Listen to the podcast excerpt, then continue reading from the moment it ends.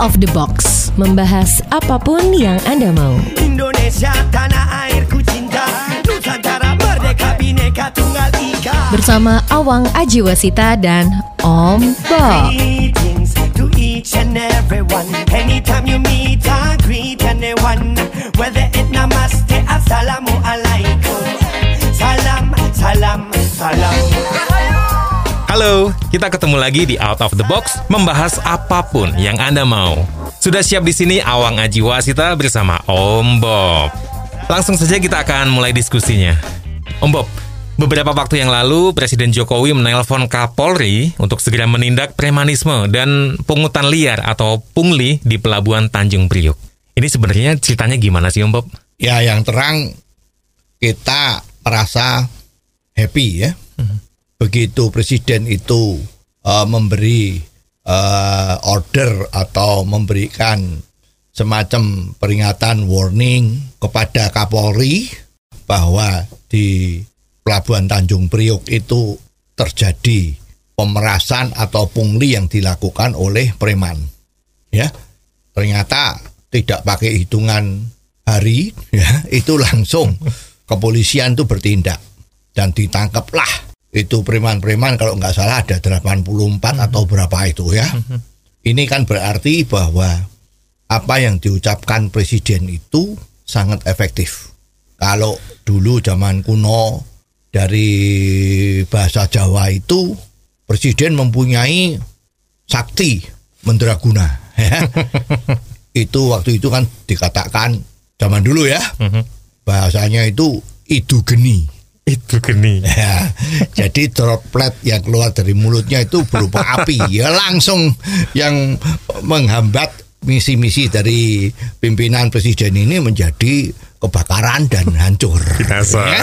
Nah, bermula adanya perintah untuk membasmi pungli atau preman di Pelabuhan Tanjung Priok itu kan dimulai dengan yang namanya kunjungan kerja atau turba turun ke bawah ya Oke. zaman dulu itu dari presiden. Ya, lah presiden ini kan hebat, tidak bisa diatur sama anak buahnya. ya. Jadi kalau Presiden Jokowi itu punya niat untuk memeriksa sesuatu tuh dia nggak bocor sama anak buahnya. Hmm. Begitu mau berangkat baru diceluk ya. Ayo sekarang kita berangkat menuju ke sini. Gitu. Oke. Lah ini juga begitu. Tiba-tiba dia pergi ke Pelabuhan Tanjung Priok yang sekarang ini kan lagi ramai sekali. Artinya rame itu kan ekspor Indonesia itu selama pandemi ini kelihatannya sudah mulai membaik ya. UMKM UMKM itu kalau ngirim barang lewat Pelabuhan Tanjung Priok semua itu pakai Betul. kontainer gitu ya. Betul. Lah ternyata pada saat beliau berkunjung itu kan selalu mencari input kepada para pemakai jasa pelabuhan itu. Hmm. Nah ternyata ada keluhan-keluhan yang disampaikan oleh supir-supir dari truk-truk yang besar kontainer-kontainer itu Hmm. ya bahwa katanya ya kalau eh, tidak ada sumbangan sukarela ya dari oknum-oknum di sana itu eh, bongkaran untuk barang yang diangkut itu memakan waktu yang berhari-hari Hmm. ya istilah kerennya pakai bahasa orang ekspor itu kan downing time ya Oke. Ah, downing time ini kan dulu juga terkenal tuh ya beberapa dekade yang lalu itu juga banyak sekali orang mengeluh kesahkan bahwa untuk membongkar dan menerima barang ekspor maupun import itu di Tanjung Priok itu terkenal lama sekali. Ya. Hmm. Jadi sempat waktu itu juga menjadi bahan pembicaraan di kabinet bagaimana supaya ini bisa cepat. Ya karena kalau downing time-nya itu lambat, itu biayanya kapal itu tinggi. Oh, iya. Biaya parkirnya, biaya krunya itu menjadi mahal dibandingkan dengan Singapura jauh kita ketinggalan. Oke. Nah sekarang masalah downing time itu sebetulnya sudah bisa relatif diatasi ya. Kalau nggak salah dulu 14 hari, sekarang tidak sampai seminggu udah selesai. Wow. Karena yaitu kren-kren yang gede-gede itu sudah dipasang, ya gudang-gudang udah disiapin, pelabuhannya sudah sudah dibikin baik, gitu kan. Jadi kapal merapatnya lebih gampang, lebih banyak gitu. Lah sekarang muncul lagi yang menghambat tuh bukan mesin, bukan krennya, bukan gudangnya, tapi oknum-oknumnya yang layani orang itu. Oke. ya konon ada yang minimum katanya 30.000 sampai 50.000 per kendaraan. Wah. Kalau sehari ada 2.000 kendaraan terus gimana gitu ya. nah, tapi itu yang minim. Kadang-kadang juga yang pengen cepet ya 150 ribu atau gimana gitu. Pokoknya antrinya minta dipercepat. Ya ini men- memang menjadi problem. Ya. Dan kalau nggak memberi duit tidak dilayani. Nah, artinya itu ya mungkin jatahnya terakhir. Lah ini kan juga susah ini ya. Eh, Truk-truk yang membawa barang itu kalau sudah dapat giliran paling akhir ya bagaimana? Ya maka sekarang ini kan harus diatasi. Oke. Nah maka presiden memberikan instruksi langsung actionnya cepat sekali. Semua angkat topi. Nah, tapi kalau masalah pungli ini apakah memang ada ya Om Bob sebelumnya? Iya. Masalah pungli ini sepertinya sudah berjalan 40 tahun lah kira-kira ya. Wow. Jadi mulai tahun 60-an akhir atau 70 awal itu sudah mulai. Ya. Kalau waktu itu kelihatannya pelabuhannya itu belum eh, disorot ya. Oke. Waktu itu kan mungkin ekspor importnya belum sebanyak sekarang. Ekono- Ekonomi Indonesia setelah Orde Baru itu kan melonjak sangat tinggi. Ya, karena melonjak sangat tinggi, otomatis pelabuhan itu menjadi lebih sibuk. Barang yang keluar maupun masuk lebih sibuk, ya, lebih banyak. Jadi waktu itu pungli itu terjadi di jalan raya. Oh. Wah, ya, karena ekonominya dalam negeri itu membaik, jalan rayanya waktu itu juga belum ada tol seperti yang dibangun Presiden Jokowi sekarang. Jadi jalannya sempit, banyak kendaraan lalu lalang, jembatan timbang itu juga berjalan. Wah, seolah-olah oh, supaya jalannya jangan rusak gitu kan. Lah ini di tengah jalan itu semua terjadi yang namanya pungli. Hmm. Ya waktu itu eh, sempat diangkat Laksamana Sudomo ya dari angkatan laut. Itu yang menjadi seperti sekarang tuh satgas ya. Satgas anti pungli ya sempat waktu itu begitu Sudomo datang daerah itu punglinya bersih. Luar biasa itu ya. Jadi kalau masalah pungli Sudomo jagonya waktu itu Oke, ya. oke. ternyata memang itu bersih ya. Jadi waktu zamannya itu ditertibkan oleh Sudomo itu luar biasa. Ya artinya luar biasa itu menjadi hilang. Oke. tapi lama-lama keluar lagi. Sampai sekarang. Ya. Sekarang. jadi waktu itu yang namanya pungli itu terjadi di jalan. Oke. artinya ada oknum-oknum aparat itu yang istilahnya itu mencari perkara ya mencari perkara. Setelah itu jembatan timbang Hmm. jembatan timbang itu kan truk-truk harus masuk di sana supaya tonase dari truk itu jangan dilebihin karena jalan-jalan di Indonesia itu kan kapasitasnya cuman katakanlah 30 ton ya untuk Oh. mobil-mobil itu. Wah, ini muatannya itu di atas itu ada yang 40 ton, 50 ton. Oke. Kalau kita lihat zaman kuno itu ya standarnya truk itu nggak karuan. Waduh yang gede banget. Ya itu momotnya supaya banyak. Kalau banyak kan ongkosnya bisa lebih murah. Jadi yang Oke. punya truk untungnya lebih banyak. Nah itu di tengah jalan. Kalau dari Jakarta ke Surabaya itu jembatan timbangnya itu ada kurang lebih ya 20. Wow. Lah sempat tuh waktu itu bahwa orang yang lewat itu yang turun itu bukan orangnya lapor untuk ditimbang, tapi, Tapi? yang turun itu kotak rokok.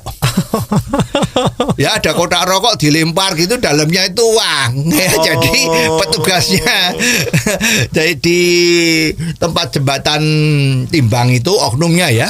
Itu Ya tinggal duduk enak-enak tiba-tiba itu banyak kerdus-kerdus rokok itu ya tinggal ngambilin aja koleksi aja gitu terus di dalam dibagi-bagi gitu ya ini sudah menjadi rahasia umum lah zamannya Sudomo ini bisa sempat hilang. Ya sebenarnya hilang gitu. Ada nggak sih contoh kasus-kasus pungli yang lain? ya kita ingat dulu begitu pungli udah selesai dari oknum-oknum pejabat yang tadi itu ya ada juga.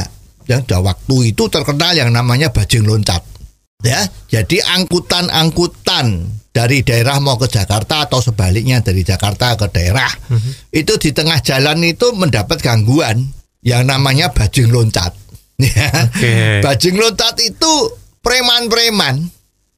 Ya, preman-preman yang nyalinya besar, mempunyai senjata paling dikit golok lah ya. Itu juga truk-truk itu dicegat. Ya.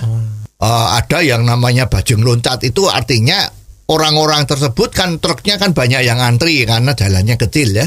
Pada melompat masuk di dalam bak-bak truk itu Oh. ya didodosi. Oke. Nah, istilahnya itu barang-barang kiriman yang di dalam truk itu dibongkar, Wow. dilempar-lempar ke bawah. Artinya ya dicuri ya, dicuri secara terang-terangan. Itu namanya bajing loncat. Wow. Ya, nah, belakangan bajing loncat ini kan susah nih kalau begitu terus. Lah ada yang namanya preman.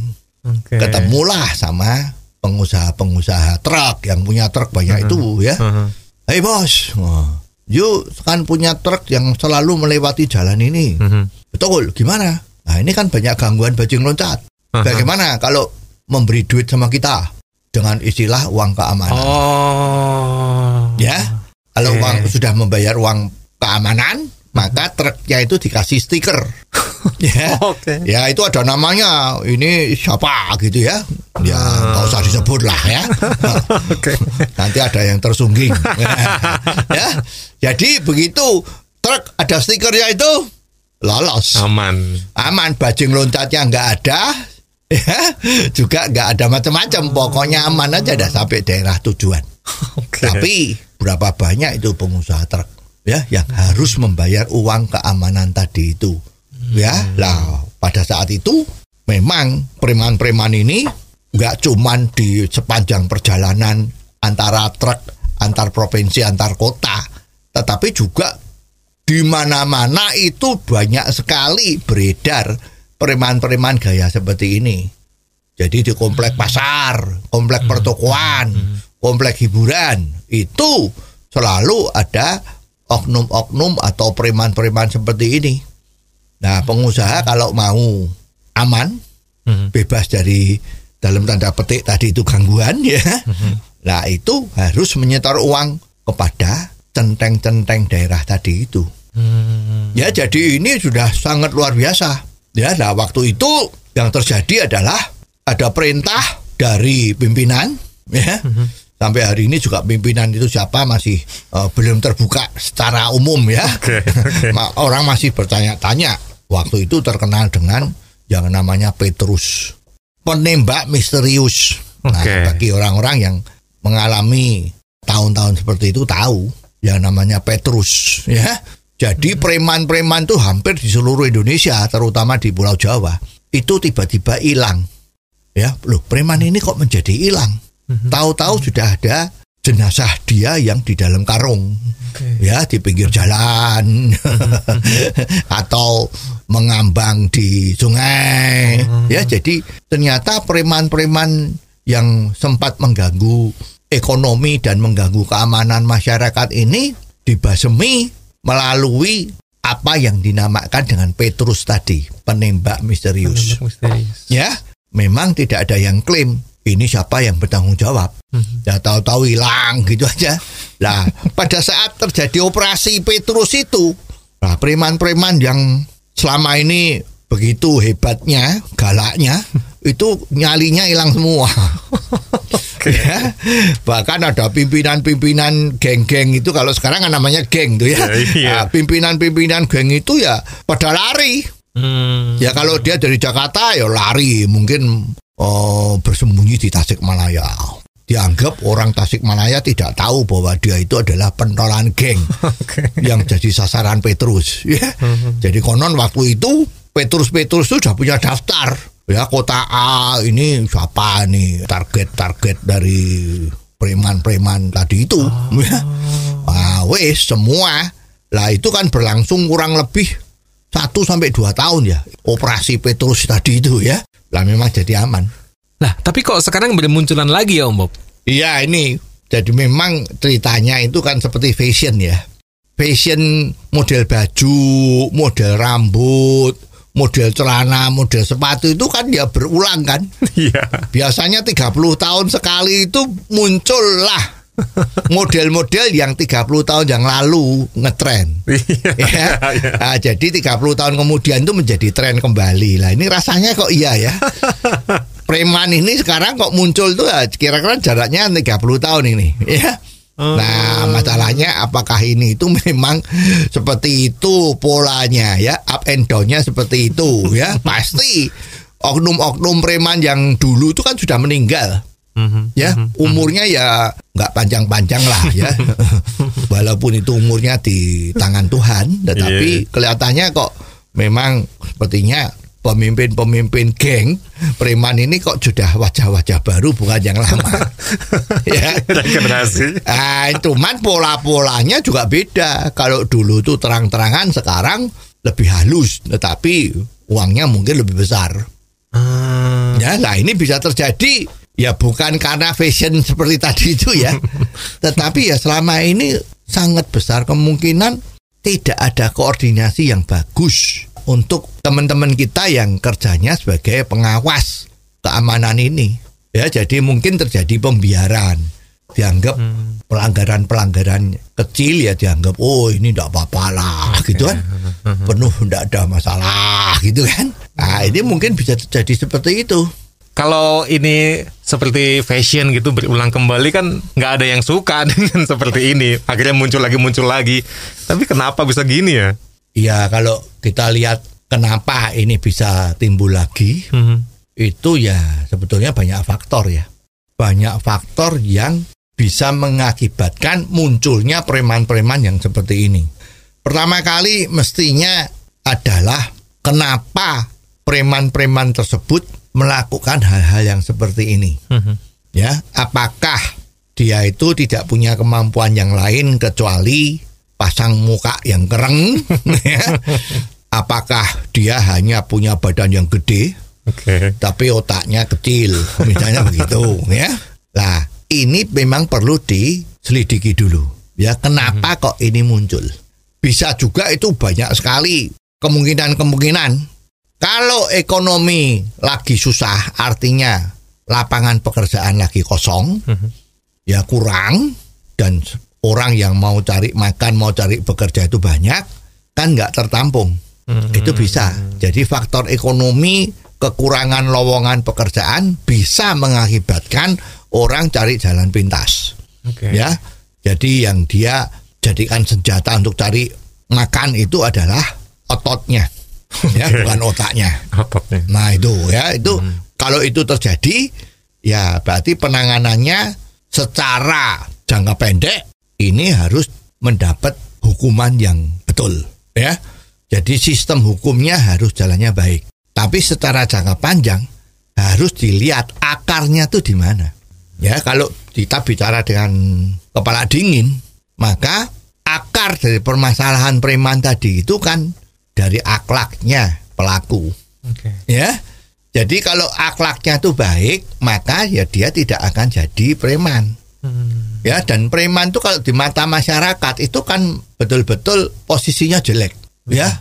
Tidak ada orang yang satu dikatakan kamu kerjanya apa? Nah, kalau dia preman ya dia tidak akan ngomong preman. Tapi saya kerjanya ya serabutan, nah, misalnya Oke, begitu, oke. ya. Jadi sebetulnya orang udah pada tahu kalau preman itu adalah pekerjaan yang tidak baik tapi biasanya terpaksa. Nah, kalau sudah terpaksa terus menjurus jalan yang negatif, maka ini akhlaknya yang harus dibikin betul. Jadi kalau kita bicara kan ada yang ngomong ini, Indonesia itu kan termasuk negara religius, ya. Tempat ibadah itu sangat banyak, ya. Kalau kita jalan-jalan ke mana-mana itu, ya mungkin relatif jalan 15 menit, 30 menit ada tempat ibadah. Betul. bagus. Ya tetapi kemungkinan terlalu banyak membicarakan soal kehidupan nanti kalau sudah meninggal. Ya kehidupan akhirat. Ya duniawinya kurang sentuhan-sentuhan. Ya jadi orang yang religius kuat tetapi yang dipikirkan itu bukan di dunia bagaimana hidup di dunia itu supaya bisa membawa dia menjadi eh, masuk surga misalnya, itu kan harus diwujudkan dengan apa yang dilakukan selama hidup di bumi, ya bukan di akhiratnya. Lah kemungkinan ini kurang. Jadi yang dipikirin cuman surga terus, ya. Kan banyak itu sekarang yang yang seperti itu artinya tuh banyak orang yang komentari bahwa ini yang harus eh, diperbaiki, misalnya begitu. Itu soal akhlaknya, ya. Oke. Nah, tapi pemerintah juga harus mikirin soal bagaimana memberi lapangan pekerjaan yang banyak. Kalau upaya-upaya pemerintah dalam menghilangkan pungli, seperti menciptakan lapangan pekerjaan baru, memperbaiki akhlak, itu apakah cukup Om Bob? Ya, kurang. Kan tadi udah kita diskusikan bahwa ini masalahnya itu bukan masalah sederhana. Hmm. Penegakan hukum kan harus jalan. Oke. Ya, jadi kalau andaikan ada terjadi pemerasan yang dilakukan oleh oknum pejabat, oleh oknum-oknum yang tidak bertanggung jawab, maka itu harus dihukum dengan berat. Hmm. Ini hukum itu harus bisa ada seperti itu. Jadi kalau ada ancaman hukum berat untuk tindakan-tindakan seperti ini, ya otomatis kan orang-orang tidak berani nekat. Hmm. Dia mikir 12 kali kalau dia mau berbuat jelek. Ya berbuat memalak-malak tadi itu. Hmm. Ya ini kan salah satu yang mendukung atau yang membentengi supaya orang-orang jangan jadi pemalak. Hmm. Ya, tapi sering-sering ini pelaksanaannya susah. Ya karena hal-hal yang seperti ini kan pejabat-pejabat kita itu bisa tidak tahu. Ya jadi sebetulnya harus dibuka yang namanya hotline. Oke. Ya hotline. Orang kalau mengalami masalah seperti ini harus berani lapor. Oke. Misalnya seperti itu.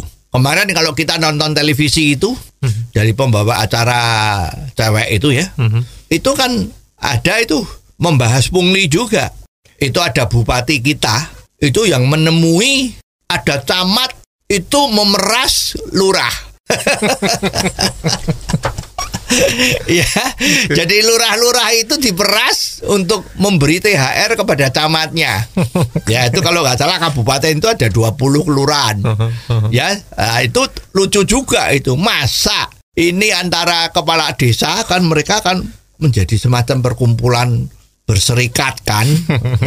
Semua lurah-lurah itu kepala desa menjadi berserikat membentuk wadah namanya mungkin eh, persatuan lurah-lurah kabupaten apa gitu kan? Kan boleh kan bebas berserikat kok ya.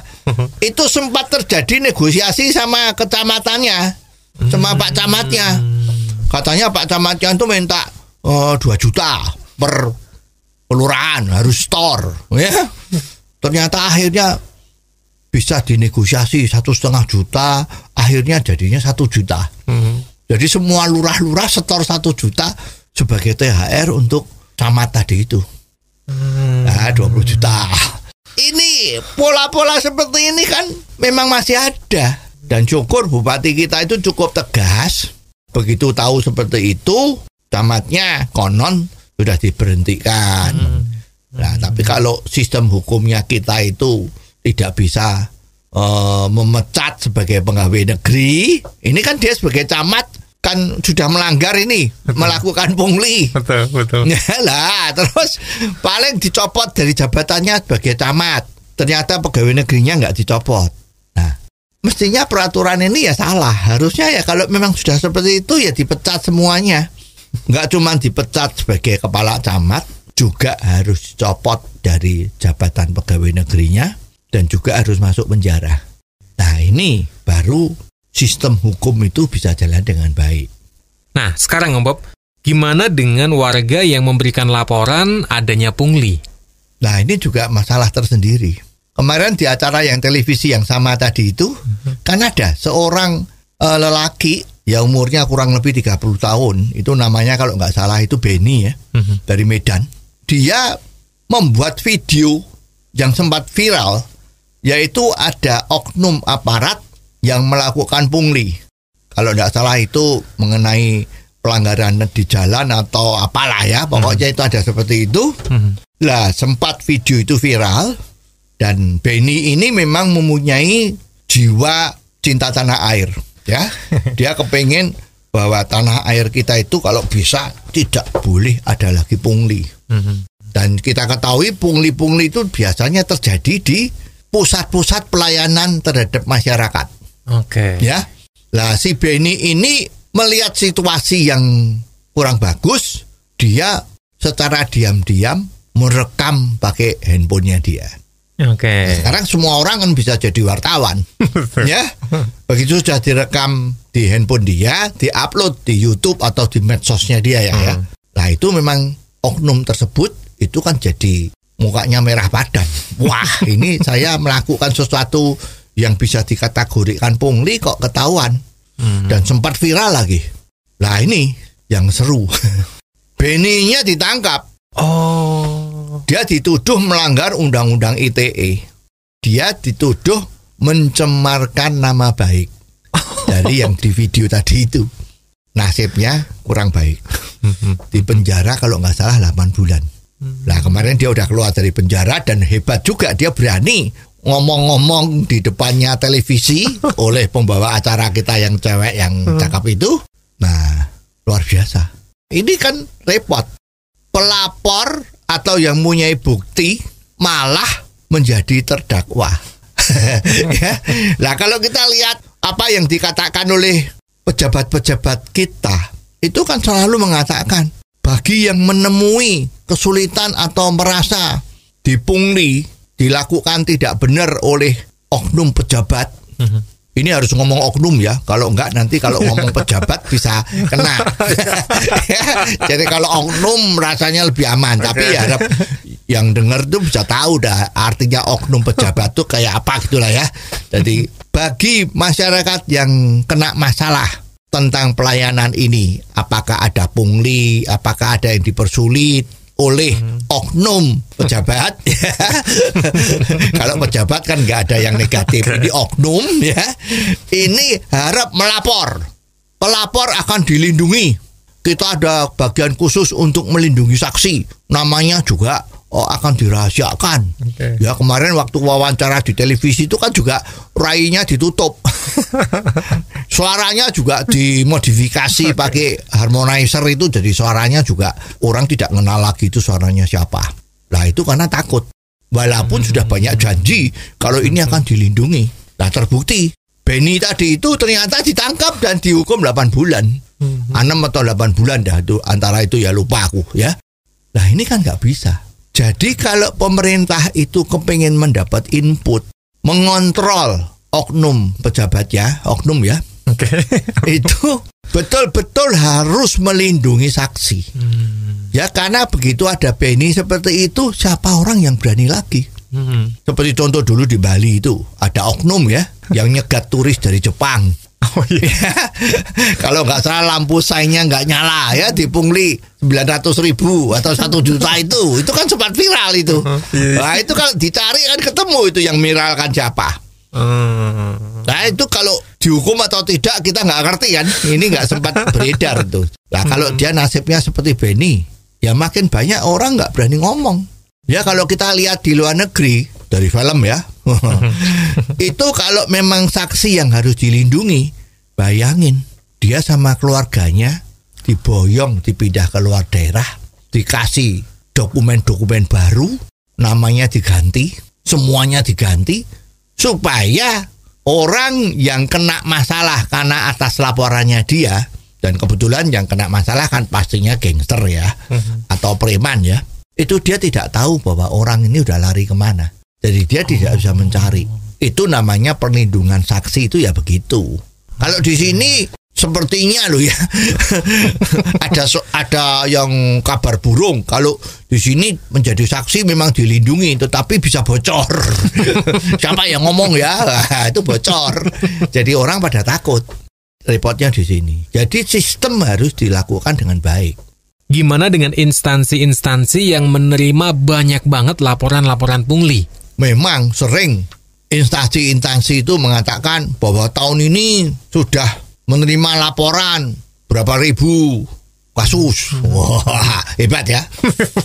Tetapi tidak ada laporan bagaimana laporan-laporan itu ditindaklanjuti. Jadi orang tahunya ada orang yang lapor, tetapi apakah itu ada tindak lanjutan atau tidak itu sepertinya kok adem-adem ayem saja. Ya sekedar laporan ya laporan dan ternyata pungli itu masih bisa jalan terus. Nah, ini memang PR-nya banyak. Ya, PR-nya banyak. Jadi kalau kita memang mau membasemi-basemi seperti ini, semua aspek-aspek yang berkaitan dengan ini, ini kan seperti seperti pohon ya dari batangnya, dari akarnya, dari dahannya, dari daunnya, dari rantingnya itu harus menyatu. Ya, tidak bisa yang kuat tuh hanya hukumnya. Artinya hukum itu peraturannya ya. Oke. Tapi pada saat dijalani sidang pengadilan ternyata tidak sesuai dengan kaidah-kaidah yang seharusnya berlaku. Ya. Artinya bisa saja yang terkenal itu kan ada makelar kasus ya. Terus ada perantara kalau mau eh, melakukan transaksi dengan hakimnya itu ada perantaranya. Misalnya seperti itu kan ada juga. Nah, ini kan memang menyeluruh sebagai semacam pohon tadi itu. Semuanya harus baik jadi pohonnya itu bisa baik. Tapi yang di sini ada yang digigit ular ya, daunnya hancur ya, pohonnya nggak bisa sehat. Dan ini selalu banyak kan gangguan-gangguan. Jadi memang mau jadi orang baik itu susah. Tapi kalau mau jadi orang jelek atau orang yang tidak baik itu cepat. Ya, ada juga kan banyak sekali itu yang model-model seperti itu. Kalau kita lihat ini kan permasalahannya kompleknya luar biasa nih. Tapi kalau kita harus memprioritaskan yang paling prioritas satu aja, kira-kira apa yang harus diprioritaskan ya? Iya, sulit ya. Tapi eh, harusnya kalau memang prioritas satu saja yang harus diutamakan lebih dahulu, itu yaitu transparansi. Jadi semua layanan publik itu dipasang CCTV. Termasuk truk-truk yang mau masuk ke Tanjung Priuk itu ada CCTV-nya. Jadi terpantau. Dia lewat pintu gerbangnya itu kan kelihatan nanti ada yang ngasih pungli atau tidak. Oh iya. Ya, jadi semua dibikin transparan. Ya, tidak ada wilayah yang namanya pribadi. Pelayanan masyarakat, misalnya, kalau yang nanda tangani atau surat itu harus yang nanda tangani, misalnya harus kepala kantornya, ya kepala kantornya dipasang CCTV. Jangan sampai surat-surat itu ditumpuk-tumpuk di meja nggak pernah ditandatangani gitu kan. Dan CCTV itu dibuka untuk publik, semua bisa lihat. Baik yang tidak di kantor itu bisa dilihat lewat internet. Nah sekarang kan zamannya 4G, 5G. Ini kenapa tidak dimanfaatkan? Toh biayanya nggak mahal itu. Lebih mahal punglinya. ya kan? Pasang aja CCTV yang benar, internetnya bisa. Udah, saya kira kalau memang mau ya satu ya itu dulu. Jangan yang lain, itu dulu dah. Orang kalau mau pungli kalau kelihatan orang kan dia juga nggak enak. Masa ada orang yang berani? Hei, tolong dilihat nih. Oh, gua sekarang lagi pungli. ada yang berani nggak? Kan nggak ada. Ya jangan, tapi terus malahan CCTV-nya maaf lagi down. Wah. kan sering ya. Itu kan sering tuh komputer-komputer oknum pemerintah ya. Itu juga wah ini internetnya down, ini servernya down. Nah, ini jangan-jangan dipasang dipasang CCTV semua bilang down. Lagi down, lagi down, lagi down ya nggak ada artinya. Ya, jadi di samping sistemnya ada, supervisinya harus jalan. Ini yang paling penting. Nah kalau supervisinya melempem gimana dong? Iya. Melempem itu artinya kan tidak berfungsi kan. Iya. Ya ganti orangnya. Ganti orang, tapi nyari orangnya tetap nggak ada, nggak ketemu? Ya maksudmu kan ada diganti orang sama saja. Iya. Bahasa Jawanya sami mawon. nah itu gimana? Bila perlu ya ambil langkah drastis. Karena orang sendiri kan kita susah untuk eh, mengambil tindakan kan. Itu kan banyak sekali terkenal kan. Sesama biskota jangan saling mendahului. Ya mungkin pejabat-pejabatnya itu masih eh, nepotisme yang diangkat jadi supervisor mungkin masih berbau temennya ke apa KKN itu kan masih mungkin ada. Nah kalau memang ini terjadi tidak bisa dibenahi, ya mestinya tidak ada jeleknya. Masalah-masalah seperti ini ya diserahkan pihak ketiga. Hmm. Independen. Independen. Iya, jadi dia tidak Oh, terpengaruh oleh pejabat siapa. Lah pihak ketiga yang independen ini kan pokoknya lihat kalau nggak bener ya dilaporkan. Nah ini kembali ke dilaporkan kan. Oh, iya. ya dilaporkan harus ditindaklanjuti. Lah siapa yang megang laporan, siapa yang menindak ini ya itu urusannya pemerintah. Betul-betul harus cari orang yang hatinya kalau dibuka itu bukan Mbak Rupi, Mbak Rupiah. Tapi kalau hatinya dibuka itu merah putih. Oke. Indonesia, integritas. Nah, carilah orang-orang yang seperti itu. Pasti ada. Masa penduduk Indonesia yang jumlahnya itu 270 juta. Masa cari 10 ribu yang hatinya dibuka itu merah putih nggak ada? Ya harus ada. Kita kalah dengan negara-negara lain kalau kita nggak bisa membenahi diri kita sendiri sekarang. Ya kemarin ada yang ngomong, jangan-jangan Indonesia sebentar lagi kalah sama Vietnam, kalah sama Kamboja. Ya jadi memang harus kerja keras, kemauan keras, ya harus berani menghadapi suara-suara yang kurang baik yang menentang usaha-usaha dari pemerintah. Tapi apakah itu berkaitan dengan oposisi ya, Om Bob? Ya oposisi itu baik. Oke. Kalau nggak ada oposisi, pemerintah kan juga nggak dikontrol.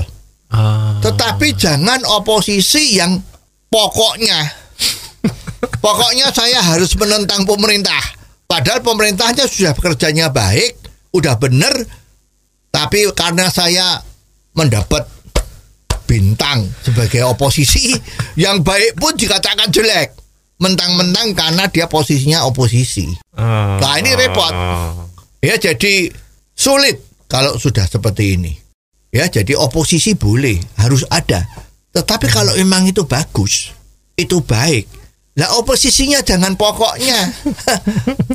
yang baik malah disuruh ganti yang jelek. Gimana? Ya jadi sistem politiknya Indonesia harus baik juga. Jadi kalau semuanya baik seperti pohon tadi, akarnya bagus, dahannya bagus, batangnya bagus, daunnya bagus, rantingnya bagus, pupuknya bagus, wah, buahnya bagus. Buahnya bagus. ya, jadi semua happy. Ya, ini menjadi renungan kita bersama. Pungli harus tidak ada lagi di bumi Indonesia. Caranya ya tadi itu komplek, tetapi kalau mau bisalah tidak lama lagi. Berapa lama, Bob? Ya walau alam.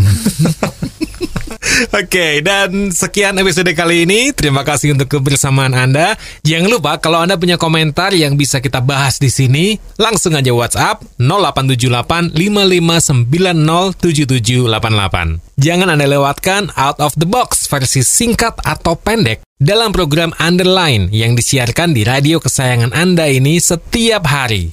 Ikuti juga YouTube channel Om Bob Indonesia. Sampai ketemu di episode selanjutnya, Awang Ajiwasita bersama Om Bob.